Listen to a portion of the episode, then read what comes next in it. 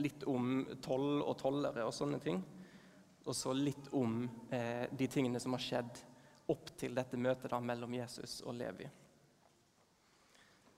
Så etter det så skal jeg gjenfortelle teksten med mine egne ord. Så da må dere ikke holde Bibelen ansvarlig for det jeg sier, men kun meg.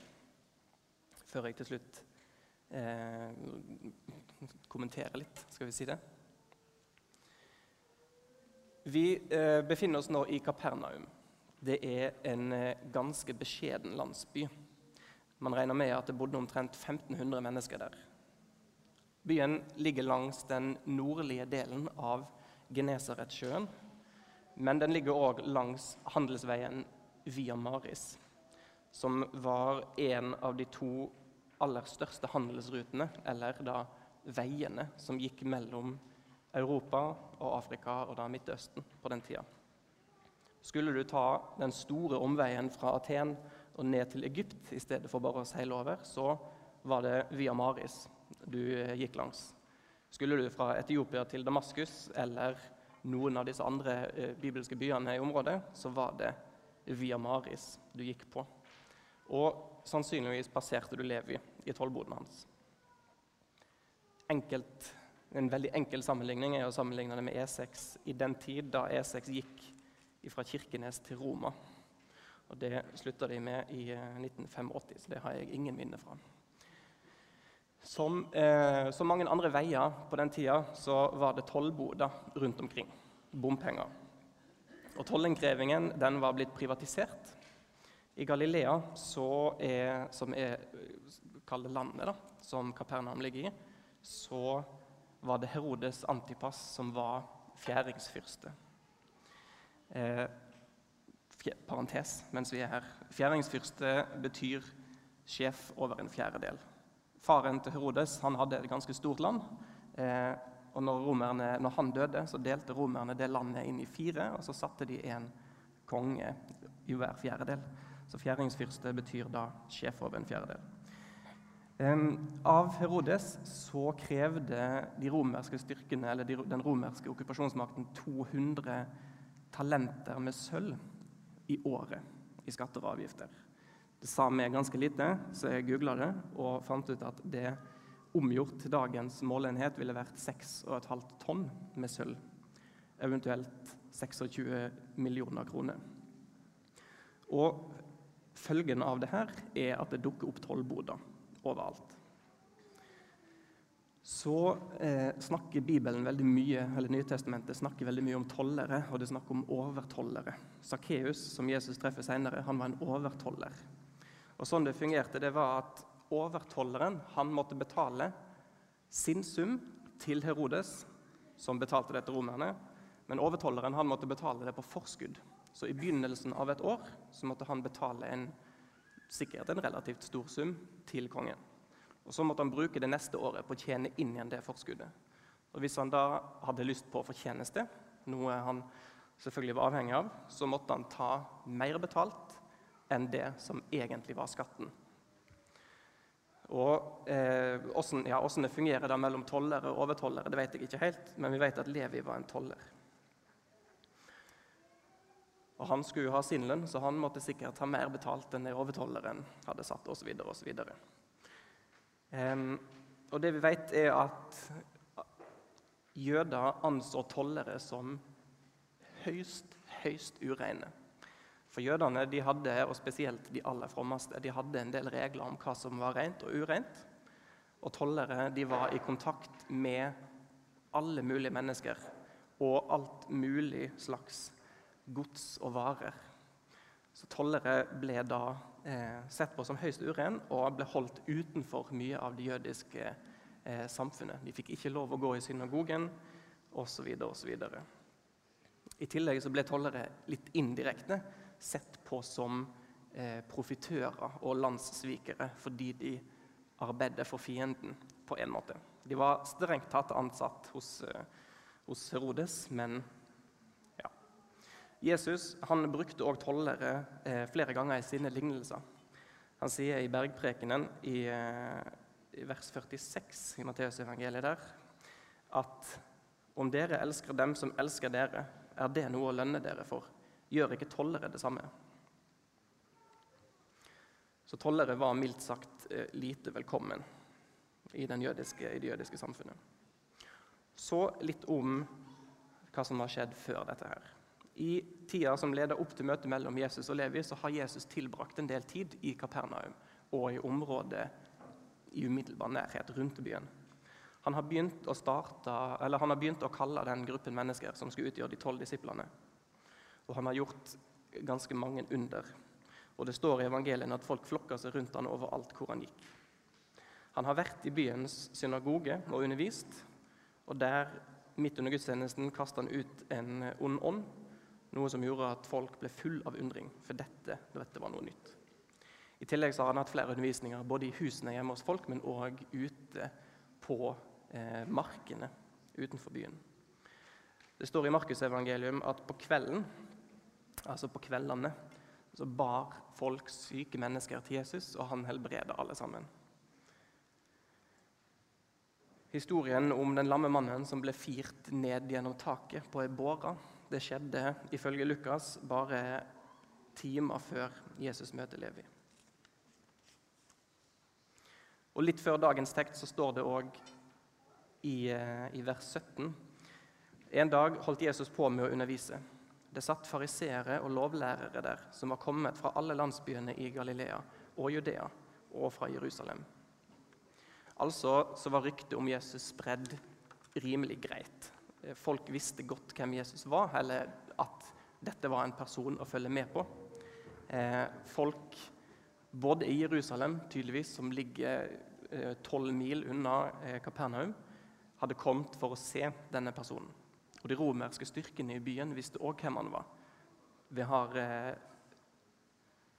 om eh, historien om den romerske eh, offiseren som bodde i Kapernaum, som eh, ba Jesus om hjelp til å helbrede tjeneren sin. Sånn at vi kan anta at når Jesus møter Levi, så om ikke Levi allerede har møtt Jesus før, så vet han iallfall godt hvem denne personen er, og denne, hva, rykter går, hva, rykter som går om denne personen. Yes. Det var litt eh, mer kontekst, så nå tenkte jeg jeg skulle gjenfortelle historien. Og utbrodere litt mer, eller gjøre den litt mer levende. Det er morgen i Kapernaum. Levi går til tollboden sin. Det ligger an til å bli en forholdsvis normal dag. Men hva er det egentlig som er normalt om dagen, tenker Levi. Denne Jesus som folk snakker om, går rundt og gjør ting som er helt utrolig og utenkelig. Det har kommet mange flere mennesker til byen for å treffe Jesus. Levi nyter for så vidt godt av det. Som toller vet han hvordan han kan utnytte enkelte situasjoner. Og nå når det er stor trengsel om å treffe helbrederen fra Nasaret, så kan han skru opp tollprisene litt. Syke mennesker er tross alt desperate mennesker.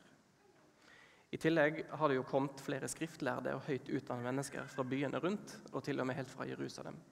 De sitter jo ganske godt i det, så det utgjør jo òg en ekstra slant i kassa. Her om dagen så kom også Simon Peter og Sebedeus' sønnene Jakob og Johannes med den største fiskelasten Levi noen gang hadde sett. De fortalte at det var Jesus som hadde hjulpet dem.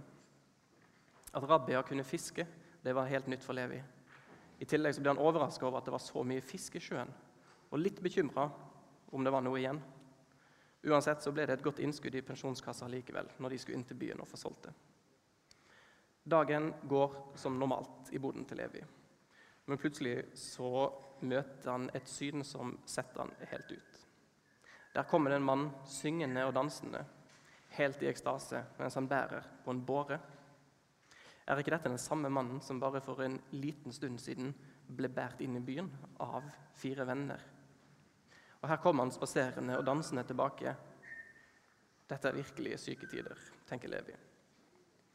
Ikke lenge etterpå kommer Jesus sjøl gående. Sannsynligvis har han en hale mennesker bak seg. Levi ser Jesus, og han ser òg de skriftlærde som er kommet langveisfra. Flere av de diskuterer heftig med etterfølgerne til Jesus. Noen av de er sinte. Så kommer Jesus opp til Levi og slår av en liten prat. Jeg tar meg den friheten her til å se for meg at ikke bare Jesus kom og sa 'følg meg', men at han hadde sosiale antenner og spurte litt åssen det gikk, før han eh, droppet det store spørsmålet.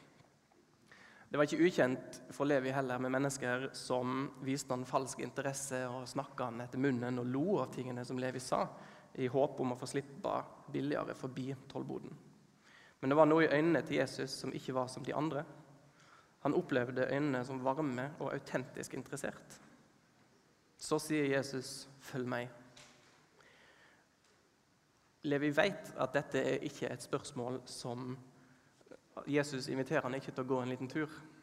På norsk så gir det ikke så mye mening, men frasen som brukes på eh, det språket som Jesus brukte her, det innebærer mye mer. Det var et spørsmål som sa 'Kom, bli med meg der jeg skal'. Lev med meg, gå i mine fotspor og hold deg i skyggen min, kan det oversettes direkte til. Så skal jeg personlig lære deg alt jeg kan. Levi ser hvordan spesielt de fromme jødene står helt ute av seg av forskrekkelse. Disiplene til Jesus er òg mildt sagt overraska. Men Jesus smiler bare. Han ser bare Levi. Umiddelbart reiser Levi seg og følger Jesus. Senere den dagen så inviterer han alle vennene sine til en stor fest. Og Vennene til tollere det er stort sett andre tollere, og sikkert noen romerske tjenestemenn òg. Dette var et stort selskap. Jesus hadde med seg alle sine disipler. Eh, man regner Levi som den siste disippelen som blir kalt. Så nå er flokken eh, full. Levi eh, hadde invitert sine tollervenner, som òg nok var en god del. Og det var helt sikkert òg romerske tjenestemenn der. Og Vi vet at fariseerne var òg der, og deres disipler igjen. Men de spiste ikke sammen med eh, tollere og syndere, noe de understreker tydelig sjøl. De murra til Jesus sine disipler. Og Jesus kommer da med ordene som avslutter dagens tekst. Det er ikke de friske som trenger lege. Jeg er ikke kommet for å kalle rettferdige, men syndere til omvendelse. Jeg vet ikke om du eh, har vært til legen noen gang og ikke vært syk.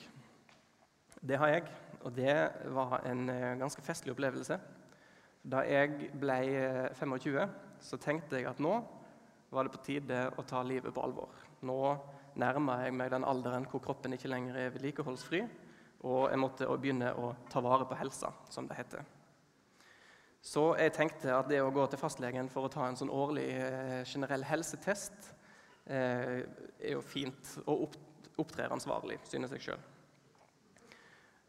Min fastlege ble ikke like imponert over mitt, eh, min tankegang. Han ga meg en respons som var en god blanding mellom tydelig irritasjon, eh, oppgitthet og heldigvis mye latter. Da. Han ba meg først og fremst om å ta meg kraftig sammen. I min alder å drive og tenke på helse på den måten, det var noe av det dummeste han hadde hørt. Men siden jeg en gang var der, så skulle han gi meg valuta for pengene. Så han spurte om jeg hadde vondt noen plass, om jeg opplevde problemer med søvn, innsoving eller oppvåkning, eller under toalettbesøk. Jeg svarte nei på alt og fikk beskjed om at jeg hadde stålhelse, og han ville helst ikke se meg igjen før det var noe alvorlig. Men jeg fikk allikevel noen gode råd da, som jeg måtte love å holde, siden jeg hadde tatt opp tida hans første det var å ta mindre buss og gå mer. Det andre var å alltid ta trappen, sjøl om den ikke var rett ved siden av heisen eller rulletrappa. Det gjaldt òg spesielt på flyplasser når du har bagasje med deg. Skift arbeidsstilling oftere. Drikk mer vann, drikk mindre alkohol, og kutt helt ut både snus og røyk. De siste rådene om rusmidler det gjaldt uavhengig av hvilket forbruk jeg hadde der og da. Og så ble jeg sendt hjem. Det er eh, ikke de friske som trenger lege. Og Jesus er ikke kommet for å kalle rettferdige. Og takk og lov for det, for da hadde jeg vært rimelig ille ute hvis jeg på forhånd måtte vært rettferdig. Og det er en ting vi bare må erkjenne med en gang, alle vi som sitter her, at det er oss Jesus kom for. Det er vi som har rota ting til, som lever uperfekte liv, og som daglig dømmer andre, og som snakker usant. Vår Gud er tapernes Gud, skriver eh, Shane Claiborne, en amerikansk kristen forfatter og aktivist. Så sier han hver gang jeg møter noen som sier de har forlatt Gud, så ber de beskrive hvilken Gud de har forlatt. Og Nesten alltid beskriver de en Gud som jeg òg har forlatt, til fordel for den nådefulle Faderen som Jesus introduserer oss for. Litt videre i boka si så skriver han jeg har møtt kristne som sier hvis folk visste om alle mine kamper og svakheter, ville de aldri ønsket å bli kristen. Jeg tror det motsatte er sant. Om folk virkelig visste hvor skrøpelige og sårbare vi kristne er, og hvor avhengige vi er av Jesus, ville de skjønt at også de kunne gitt dette opplegget en sjanse. Kristendom er for syke folk. Det er ikke de friske som trenger lege, det er oss. Er det noe vi er flinke på å forkynne? Når jeg underviser fra eh, denne scenen, så må jeg nesten alltid bryte en del av mine egne prinsipp om hvordan det ser ut å være kristen. For meg så er det å stå her såpass pent kledd eh, og strigle noe som egentlig byr meg imot. Og forstå meg rett, Det handler ikke om at jeg kunne helst tenkt meg å stått her i badeshorts og singlet. Det handler om det inntrykket jeg gir av og det, altså det at jeg er med å opprettholde det bildet av kristne som folk som får det til. For kristne er ofte kjent som de som fikser livet, og gullbarna og sånne ting. Utenfra så oppleves vi ofte som perfekte. Og Hvis du er ny her i dag og ikke kjenner meg, så er inntrykket du kan få av meg på disse Nå har ikke jeg tatt tida, men eh, si et kvarter, da. Um, inntrykket du kan få av meg, er at jeg er en mann som uh, har erklært stålhelse. Jeg uh, går forholdsvis pent kledd. Jeg står på en scene og underviser uh, rundt 100, kanskje 150 mennesker. Og jeg er flink nok til, i alle fall flink nok til å skjule at det er ikke noe jeg sjøl syns er mildt ubehagelig. jeg smiler, jeg forteller historier, dere ler, eh, og jeg er oppmerksom på dere som sitter her. Det er lett å se på meg og tenke Se på han som står på scenen. Han er en sånn som får det til. Det må være lett for Jesus å tilgi han syndene hans, for det kan ikke være så veldig gale. Det er sikkert veldig enkle synder å tilgi. Mine er altfor grove til at Jesus vil ha noe med meg å gjøre. Jeg er i alle fall ikke i stand til å leve et godt nok liv til å være en del av dette fellesskapet. Eller hvis du går fast her i menigheten, så kan man fort tenke de ville aldri sluppet meg på en scene hvis de visste hva jeg har gjort, eller hva slags dysfunksjonell familiebakgrunn jeg kommer fra, eller at på fredagskveld så hadde jeg fire glass vin mens jeg så på film. Dere hører hvor teit det høres ut når jeg sier det med litt sånn halvironi i stemma. Men dere ville blitt overraska over hvor mange som egentlig tenker det. Jeg skal begynne å lande undervisningen. Folk er ikke uinteressert i Gud. De vet bare ikke hvordan han ser ut. Det sier Martin Cave, min tidligere pastor i Stavanger. Og det er vår jobb som kristne å rette opp i det vrangbildet som mange har av Gud, som en dommer, som en sur mann som passer på at møtene er kjedelige, og som bare er kommet for å kalle rettferdige og de som har et ryddig liv. En som har en grense for hva han tåler, og en som bare vil ha friske disipler. Jeg har fått høre mange ganger at kristne er ikke noen bedre enn resten. Og det er helt sant. Jeg eh, sier ikke noe annet. Jeg las tidligere litt av Shane Claibornes bok, og jeg tenkte jeg skulle avslutte med et sitat fra den boka. Hver gang jeg får høre at kristne er hyklerske, så passer jeg på å si ja, det stemmer. Og hver gang vi kommer sammen for å ha gudstjeneste, bekjenner vi for hverandre og for Jesus at vi er hyklere. Skrøpelige syndere som trenger Gud og hverandre og ikke klarer oss i egen kraft. Hvis dere ikke henger med på det, så er det synsbekjennelsen jeg snakker om, som vi alltid har i gudstjenesten her i Trondheim frikirke. Det er det kristendom handler om. Å si eller erkjenne det at uten Jesus så er vi ingenting. La oss be. Takk, Gud, for at du tar imot oss sånn som vi er. Takk, Gud, for at du ikke ser tolleren eller den prostituerte eller noe, noen av de merkelappene vi er så flinke å henge på oss sjøl eller andre. Takk for at du ser oss sånn som du har skapt oss i ditt bilde. Jeg ber Jesus om at du må hjelpe oss å se oss sjøl sånn som du ser oss. Amen.